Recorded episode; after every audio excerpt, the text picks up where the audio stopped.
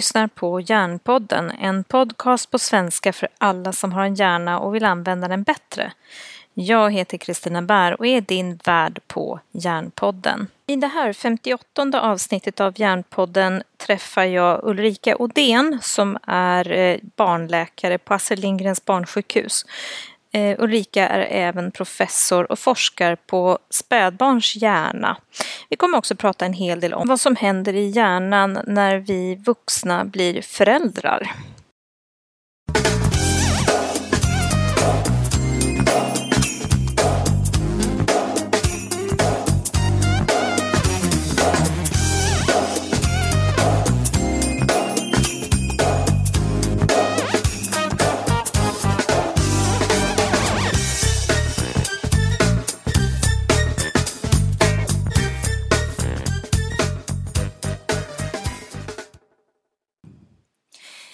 Hej och välkommen till Hjärnpodden. Idag ska vi prata om det mest spännande jag vet, nämligen barnhjärnan. Och till min hjälp så har jag en tidigare kollega och mycket, mycket professionell kvinna som heter Ulrika Odén. Välkommen Ulrika! Tack så mycket! Berätta, vem är du och vad gör du? Ja, jag är barnläkare och eh, håller särskilt på med nyfödda barn som är kritiskt sjuka när de föds. Eh, och eh, har ägnat mitt eh, forskningsliv åt att forska på hur deras hjärnor utvecklas. till exempel om man föds alldeles för tidigt, alltså mer än tre månader för tidigt, eller om man har en hjärnskada under förlossningen. och vi, vi är intresserade av hur, hur man kan, dels vad det är som händer i hjärnan och hur man kan förbättra och optimera hjärnans utveckling under de förutsättningarna. Och eh, jag har alltid varit väldigt fascinerad av om man kan hitta samband mellan vad som händer tidigt och hur det verkligen går sen på sikt. Mm. Och visst är det så att du har hållit på ganska mycket med forskning? Ja, eh, alltså jag, jag började forska under medicinstudierna eh, och gjorde en ja, grundvetenskaplig avhandling i farmakologi. Då tittade på olika sorters målmolekyler som är, hur de utvecklas i, i den nyfödda hjärnan och hur de eh, påverkas vid en syrebrist förlossningen i olika modellsystem för det och sen så eh, sen blev jag rekryterad till att bli barnläkare på Astrid Lindgren och, och då började jag forska på, på kliniska studier på barn istället. Mm. Ja, Mm. Så, så har det varit. Och sen har jag ju parallellt jobbat som, som läkare, barnläkare och nyföddhetsbarnläkare och det gör jag fortfarande. Mm. mm. Just det. Jag tror det måste vara världens roligaste jobb. Ja, det är det verkligen. Ja. Det, jag kan säga att jag som medicinstudent så, så drömde jag om att få kombinera forskning och klinik och, och det har jag fått göra också. Så mm. jag är riktigt lotta. Mm, verkligen.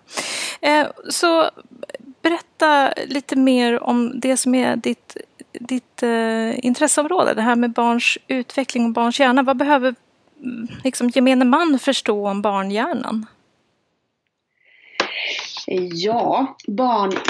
Alltså, det, det finns ju naturligtvis en, en väldigt stark drivkraft att utvecklas till barnhjärnan. Men det är också så att eh, utvecklingen påverkas ju av eh, intrycken eh, och eh, sensoriska intryck framförallt. Och man har ju ett sånt här uttryck som säger use it or lose it. Så att de nätverk och banor som man använder sig av de utvecklas allt mer och de man inte använder sig av de dras tillbaka. Eh, och i i min specialitet så tänker vi mycket på vad som händer om ett eh, nyfött barn då hamnar i en onaturlig miljö och en intensivvårdsavdelning och och får vara med om en massa eh, sensoriska intryck som, som in, inte är helt naturliga, kanske massa oljud och smärtupplevelser och så vidare. Hur påverkar det hjärnans utveckling? Mm. Um, och jag tänker att uh, um, ja, som förälder till friska, friska småbarn så, så, så, så, tänker vi oss att eh, de naturliga stimuli också är viktiga. Det handlar om närhet, eh, hud mot hud kontakt, emotionell kontakt, språk, det är ju eh, olika sensoriska eh, upplevelser för hjärnan som hjärnan formas av. Mm. Och då tänker jag just på den här situationen som börjar hända nu. Att många människor när man är ute och går med sitt barn eh, istället för att prata med barnet mm. mer är intresserad av sin mobiltelefon. Kanske mm. går och har ett annat samtal med någon i mobiltelefon men barnet är inte där. Mm. Absolut. Vad ja, händer det... då liksom? Ja, det har jag också funderat på. Eh, jag tänker att eh, barn som är alltså, som har en stark drivkraft till kommunikation själva, de kanske klarar det där ganska bra ändå för att de kommer påkalla mammas eller pappas uppmärksamhet så tydligt så att, eh, så att de, de fortsätter utvecklas. Men jag tänker att barn som inte har så stark drivkraft till kommunikation eh, för, för, där finns det ju ett helt spektrum av, även spädbarn är ju väldigt olika där. Mm. Eh, de kanske då ger upp och så, eh, ja, så missar de ett antal tillfällen att, att lära sig eh, både språk och annan kommunikation. Så att, men jag vet själv, jag har också haft småbarn för inte så många år sedan. Jag vet att det är svårt att låta bli mobiltelefonen. Jo, jag vet. Den har ju, den har ju sin omedelbara belöning såklart. Ja. Eh, så att jag fattar ju att det är svårt och det blir ju ännu svårare nu när man ska ha alla de här uppkopplingarna och ha massa sociala kontakter på nätet. Aha. Men jag tänker att just därför så behöver vi prata om det. Exakt, och det har man ju visat att, att för, för små barn som ska lära sig språket så är det ju en sak som är oerhört viktig och det är ögonkontakt. Mm. Och liksom ett emotionellt innehåll i ögonkontakten. Mm. Det är det de drivs av. Mm. De här glada ögonen som möter dem. Ja. Uppmuntrande ögonen. Ja, exakt. Så att jag tror att, jag tror att det är viktigt för småbarn. Sen sen kan det vara eh, lite annorlunda ut sen när barnen blir förskolebarn och, och, och så. Då, då, kan de ju lära sig eh, på annat sätt också. Men jag, jag håller med, vi måste vara medvetna om att eh, eh, alltså den tid vi ger våra barn i kommunikation, eh, den formar deras hjärnor. Mm. Visst är det så. Mm. Och, och, jag tänker det som vi har pratat om tidigare, både jag och Torkel Klingberg och några till i podden, det är ju det här med att hjärnan är ju en pågående utvecklande organ. Det är inte så att det är färdigt när vi föds. Mm, exakt. Uh, och då tänker jag så här, har du någon uppfattning om när man är färdig? alltså hjärnan eh, formas ju hela tiden. Men man brukar ju, om man tittar på liksom en mognadsprocess så brukar man ju klassiskt säga att Eh, alltså det händer ju enormt mycket under spädbarnsåren. Det bildas synapser eller kontakter mellan nervcellerna. Sen börjar de dras tillbaka och specifika nätverk eh, finslipas allt mer. Eh, och sen händer det ju jättemycket under tonåren har man förstått. Ganska, ja, senaste Hormoner. ja. Som gör något med människor. Ja, precis. Eh, nej men och, och då då är det ju framförallt så att mognadsprocessen består i att den grå substansen faktiskt förtunnas. Eh, och ja, synapser tillbakabildas, det återbildas nervceller. Eh, och samtidigt då så utvecklas de här ledningsbanorna. Så att eh, det, som, det går mycket snabbare med signaleringen då så att, det, eh, så att eh, eh det, det, kallas för myelinisering. Och den här processen, mognadsprocessen av hjärnan kan man säga, den, den sker liksom nerifrån och upp så den börjar ju förstås i hjärnstammen i de allra mest basala funktionerna men sen eh, växer den då framåt och allra sist i pannloben. Och där brukar man ju säga att den här myeliniseringen eller mognadsprocessen av eh, ledningsbanorna är färdig först vid 25 års ålder ungefär. Mm. Just det, så det är ganska stor utveckling som kommer ske och som också tänker jag alltid när jag jobbar med barn att vi kan påverka. Ja, mm, mm, precis. Det kanske är mer viktigt än vad vi trodde exakt vad, vad hjärnan utsätts för under eh, tonåren också. faktiskt. Att Det händer så mycket då. Eh, men det är ju också i, i pannloben som, som planeringsfunktioner sitter och förmågan att sålla intryck och riskbedömningar och så vidare. Så att, eh, det är inte konstigt att, att eh, tonåringar ibland kan ha svårt med just de mm, funktionerna. Lite tokigt kan det bli.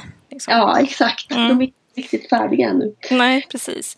Och, och jag tänker om vi går tillbaka till spädbarnshjärnan och ja. de nyfödda små bebisarna som du jobbar med, eller de för tidigt födda.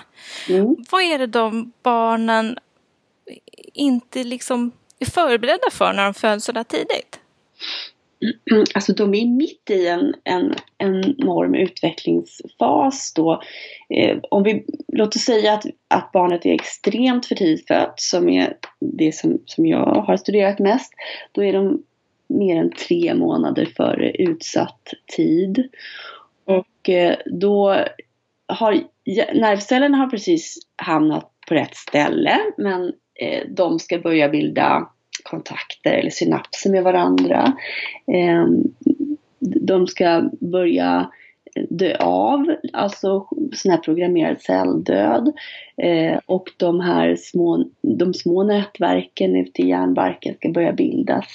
Eh, så det är mycket som händer i hjärnan och eh, så hamnar barnet i en, en väldigt onaturlig miljö då.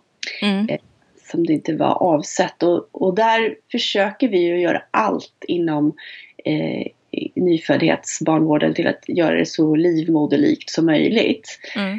Um, och vi tänker på att det inte ska vara för mycket oljud och det ska inte vara, vi försöker begränsa eh, smärtsamma eh, saker förstås men vi måste ju ändå ta prover för att de är väldigt sjuka de här barnen. Vi måste följa hur de mår. Mm. Mm, och vi, men vi försöker också eh, ge vad vi tror är bra sensorisk stimulans, nämligen tidig hud mot hudkontakt med föräldrarna. Mm. Eh, så att de sitter ju mycket, mycket, många timmar per dag i Sverige eh, med sina mammor och pappor. Mm. Precis. Mm.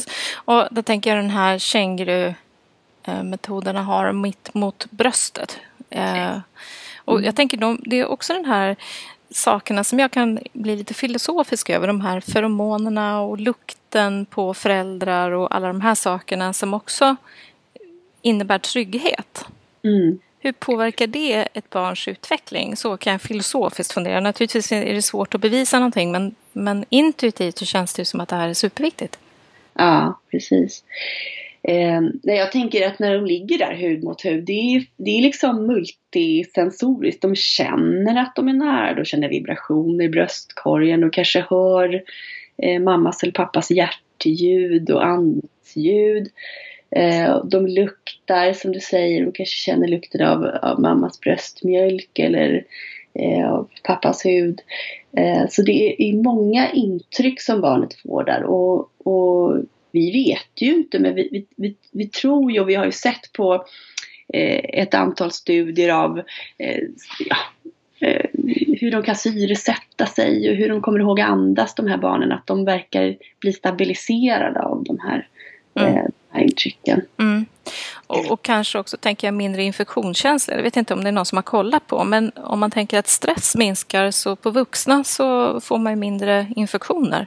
Mm, just det vet jag inte om ja, det är någon som har kollat på. Det är nog du bättre på än, än jag. Jag är inte så insatt i neonatalforskningen längre men eh, jag tänker att det, det borde vara så.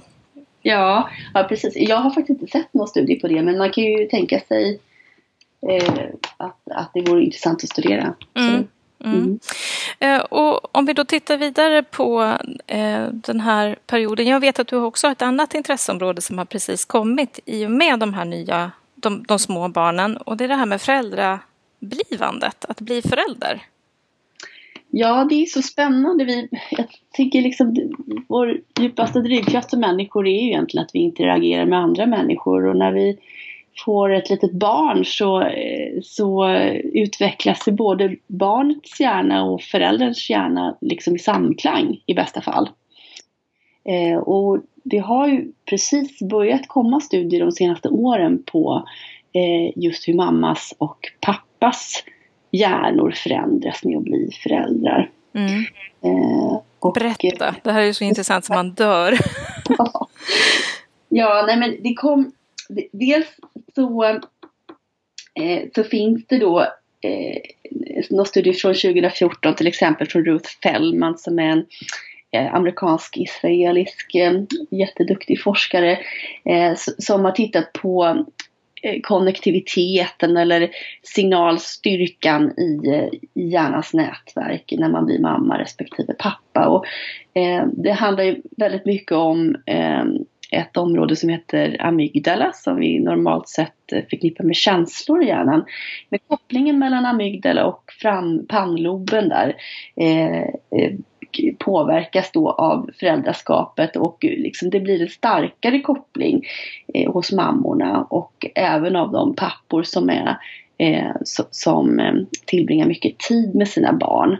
Eh, och det handlar om, om då att, att förutse faror för det här lilla knytet och att eh, förutse barnets behov.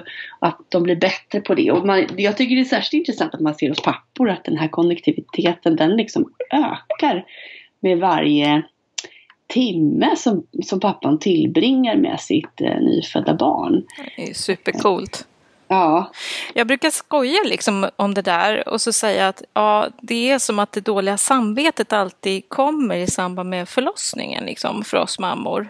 Det brukar mm. jag skoja om. Men det kanske inte är så himla korkat och som man kanske inte behöver skoja om det. Förstår du vad jag tänker? För jag tänker ja. att amygdala och riskbedömningen där i pannloben, det hänger ihop lite med det dåliga samvetet. Att man säger oj, jag borde ha gjort. Exakt. Och man måste skydda sitt barn. Mm. Precis. Det är väldigt rä, mycket rädslor som är förknippat med att vara nybliven eh, förälder. Man... Absolut. Jag tycker det är påtagligt hur, hur orolig man kan bli för saker som man aldrig har brytt sig om tidigare. Exakt. Det finns folk som har åkt motorcykel många gånger och många år innan de får barn men de slutar med det när de får barn.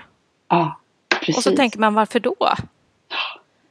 Och det blir ju lite bättre med åren men det, är också, det kommer en, en studie precis innan jul här i, i um, Nature Neuroscience, en spansk grupp som hade tittat på eh, helt normala graviditeter och eh, eh eller helt normala mammor och pappor ska jag säga. Mm. Och då tittade de med MR in, på föräldrarnas hjärnor innan eh, de fick barn och sen eh, efter, upp till två år efter, så hade då mammorna permanenta eh, förändringar i hjärnans nätverk och då tittade man på på grå substans. Och, så att det, det, det, sitter i, även om de värsta rädslorna går naturligtvis över. Men det verkar, det är i alla fall den första studien som visar på permanenta förändringar över två år. Mm. Mm. Mm. Och det verkar ju ganska ändamålsenligt. Om jag nu ja. tänker att vi började med de små barnen och att, att de, man formas av sin miljö och de behov man har. Ja. Så tänker jag att om det ska vara nytta med att föda ett barn, då är det ju ganska ändamålsenligt att vi även förändras till att få barnet att överleva. Precis. Typ. Mm. Ett nytt sätt att, att leva och, och, och, det är ju så, vi människor vi lär oss ju hela tiden mm. av det Mm. Och det finns ju också någon sån här eh, ovetenskaplig sanning om att om man har varit eh, förälder och varit hemma med sina barn och varit föräldraledig så blir man en bättre chef. Ja, just det. Därför att man blir duktigare på förhandling och man blir mer lyhörd för sin personal. Eh, och det där vet jag faktiskt inte om det finns någon forskning på. Men det intressanta är att, att många upplever att de blir mycket lugnare och tryggare i förhandlingssituationer och sånt där när man kommer tillbaka och varit barnledig. Mm. Kanske kan integrera olika människors behov på ett bättre sätt. Mm, precis. Eh, och då tänker jag, då är det ju verkligen väl värt investerad tid att vara föräldraledig. Det borde det vara. När du säger det här förhandlingssituationen, jag tänker på den här studien jag pratar om då, att Ehm, när man tittade två år efter graviditeten hos de här kvinnorna var det, så, så såg man som sagt förändringar i gråsubstans och det var just i ett nät ett område som, eh, eh, eller flera områden som utgör ett nätverk för något som heter Theory of Mind. Eh, och det är förmåga att eh, förutse andra människors behov. Och det är naturligtvis väldigt ändamålsenligt för barn. Eh, men, men det skulle också kunna vara så att det är väldigt bra i en förhandlingssituation som du säger. Mm, precis, för att jag tänker att hela vitsen med att vara inne i en förhandling det är ju att försöka förstå den andra parten. Mm. Och förstå dens behov för att vi ska komma överens om någonting. Och då tänker jag att om det är det som gör att vi blir duktigare per se, därför att vi får barn, så är det ju jätteintressant. Ja. Ja, det är spännande det här med hjärnan. Ja. ja man, men det, det, är ju, det roliga tycker jag med hjärnan det är att det går ju aldrig att få ett fullständigt kvitto för den är så multifaktoriell. Det är så mycket nätverk, det är så mycket olikheter mellan människor så det finns ju ingen exakt sanning. Men man kan ju få en liksom hint om uh, ja, hur den funkar. Ja. Och sen ska man komma ihåg att sambandet mellan, mellan hur, hur det ser ut i hjärnan när man tittar med mycket MR-studier nu. Eh, men det, sambandet mellan hur det fungerar och hur den ser ut, struktur och funktion, är ju inte så jättestarkt alla gånger. Så att det kommer alltid vara komplext tror jag. Mm. Mm. Så eh, utifrån eh, vad vi har pratat om, det här med hjärnans utveckling. Ser du några utmaningar för samhället att ta hänsyn till i det här med hjärnans utveckling över livet? Jag tänker att eh, om vi ser liksom ur ett folkhälsoperspektiv där alltså alla, alla vi människor som nu lever i dagens samhälle så har, ju, så har ju det förstås förändrats väldigt mycket. Det pratar vi om hela tiden, att vi får så mycket information och att vi eh, det, är, det är så lätt att uppmärksamheten blir fragmenterad för att man hela tiden måste kolla på sin mobil och så vidare. Och jag, tänk, jag tror att och nu spekulerar jag bara, det här är inte mitt forskningsområde, men jag tror att vi kommer att behöva bli mycket mer medvetna framöver kring eh, våra eh, vanor där. Precis som vi är medvetna om att vi eh, inte ska äta så mycket socker eller fett eller så, så tror jag vi måste bli medvetna om hur vi, hur vi använder eh, våra eh, informationsverktyg. Eh, och eh, ja, hur vi använder vår uppmärksamhet också. Att jag tänker på, på det mycket med mina egna barn. Att eh, jag, vill, eh, jag vill låta dem få känna hur det känns att, att ha en odelad uppmärksamhet och bli helt uppslukad av någonting. Mm. Att känna den, det drivet man får. Mm, den här flow, jätteskön ja, känsla.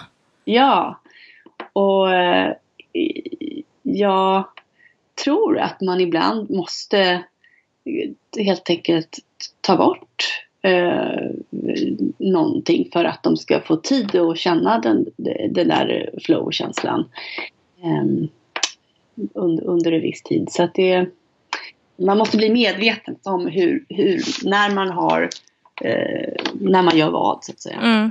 Och en sak som jag har noterat mycket när jag jobbat i skolan som skolläkare, mm.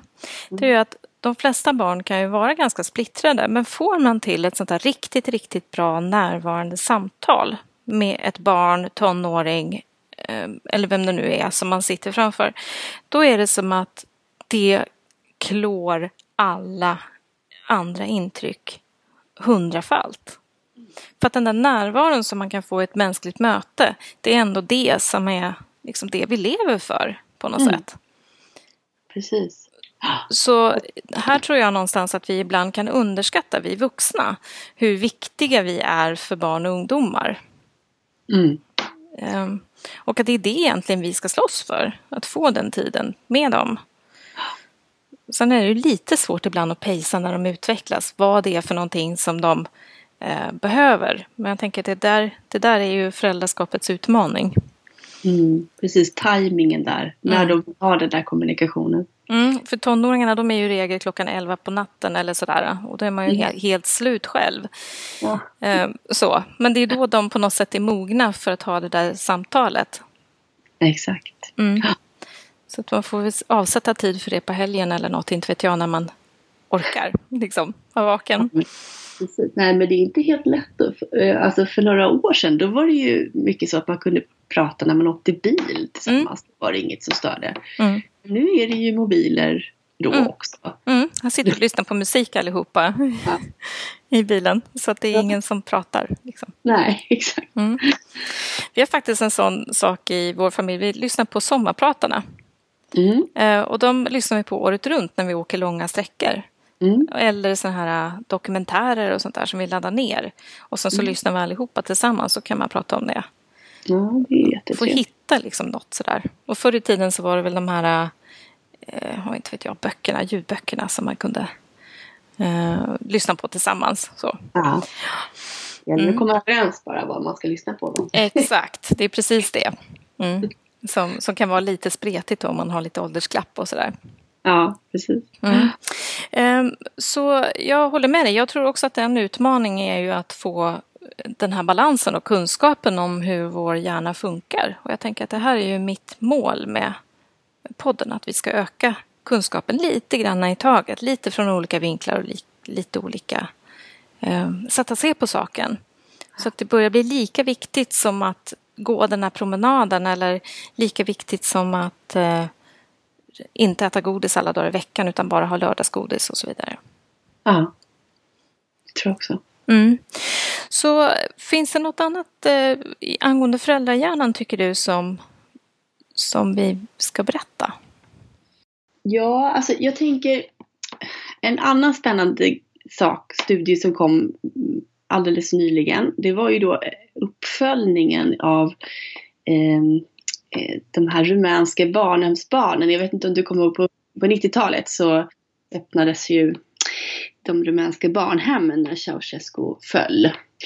Och det gjordes ju tidiga studier där då på, på, eh, på, på de här eh, som, som hade varit länge på barnhem under helt miserabla former. Och vi, vi fick ju alla se hemska, hemska bilder därifrån som berörde, berörde oss.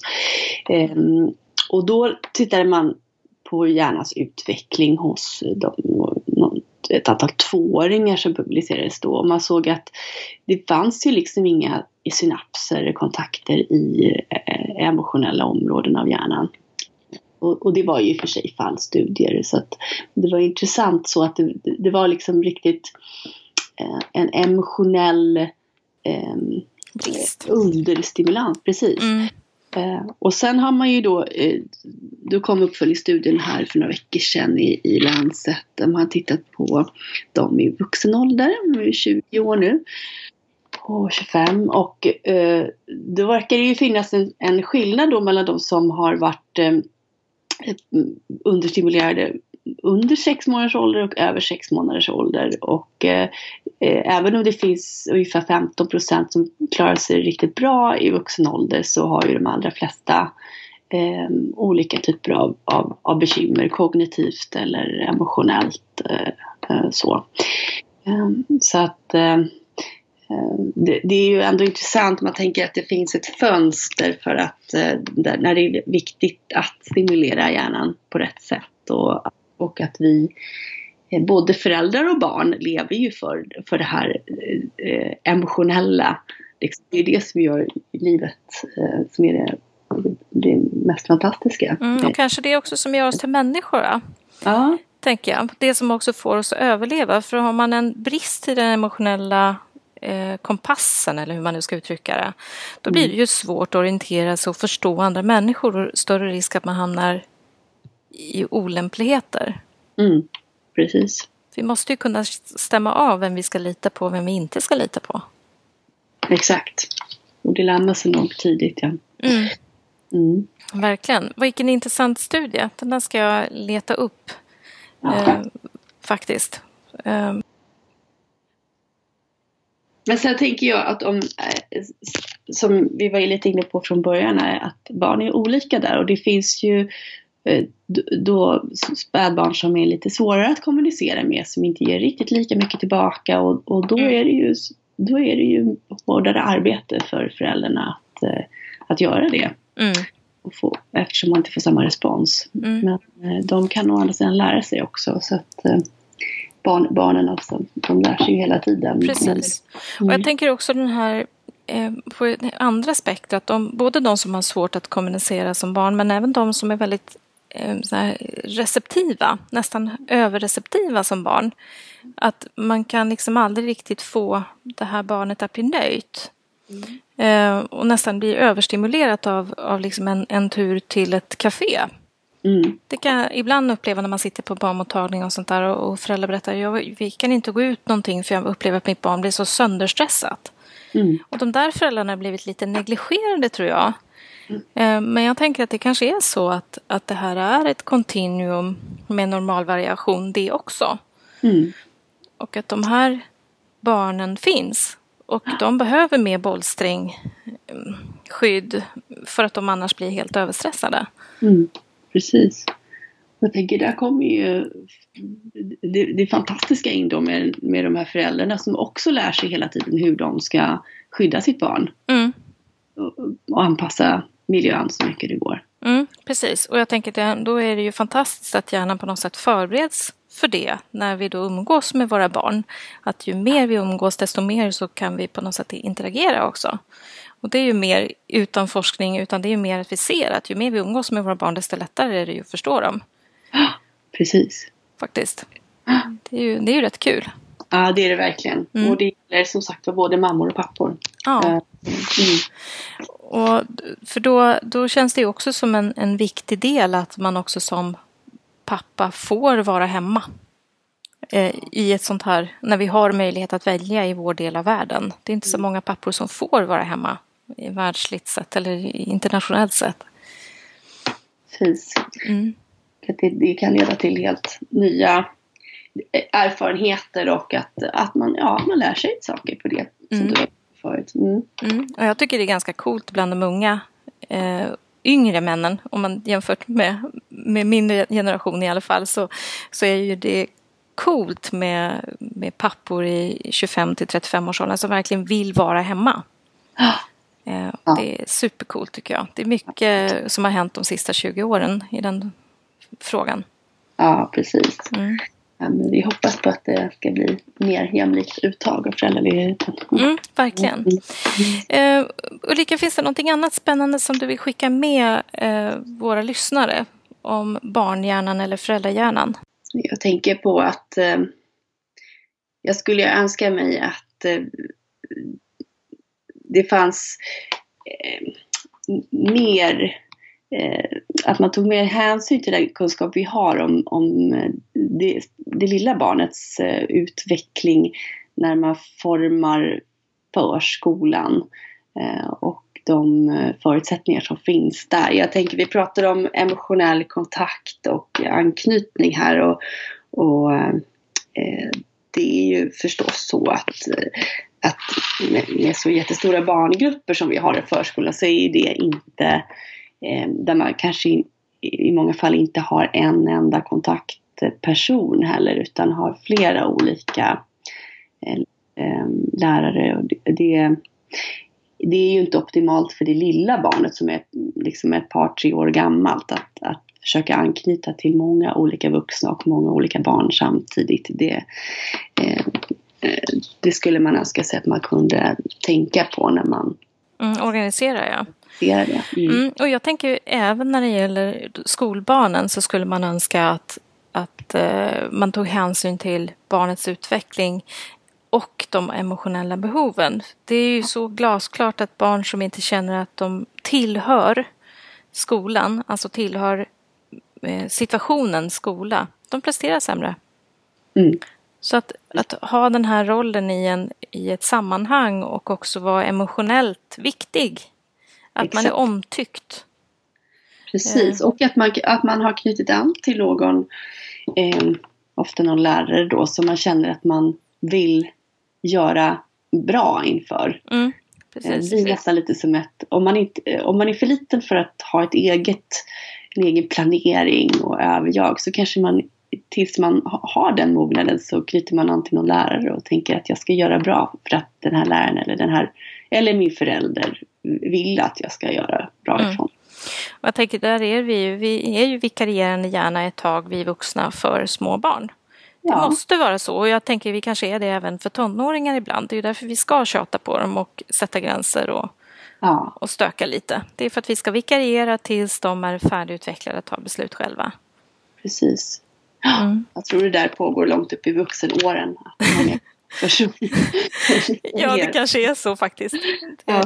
Det, är nog viktigare än vad vi tror faktiskt att finnas i ett sammanhang. Mm. Precis. Eh, tusen tack Ulrika! Jättetrevligt att jag har fått prata med dig om det här viktiga med barns hjärna och faktiskt föräldrars hjärna också och hur det här samspelar. Ja, jättekul. Tack! Tusen tack! Vill du ha kontakt med mig så skickar du ett mejl på kontakt jarnpodden.se eller kommunicera via Järnpoddens sida på Facebook eller på Acast. Järnpodden drivs av mig i samarbete med Järnfonden som är en ideell insamlingsstiftelse utan statligt stöd. Järnfonden har syftet att samla ihop pengar och fördela till forskning och informera om hela hjärnan och alla dess sjukdomar, skador och funktionsnedsättningar. Hjärnfonden är helt beroende av gåvor och testamenten från privatpersoner och av företagssamarbeten. Så om du tycker om Hjärnpodden och du tycker hjärnan är viktig, ge en gåva på hjärnfonden.se. Och glöm inte att skriva Hjärnpodden i din gåva så vi vet var gåvan kom ifrån. På återhörande i Hjärnpodden.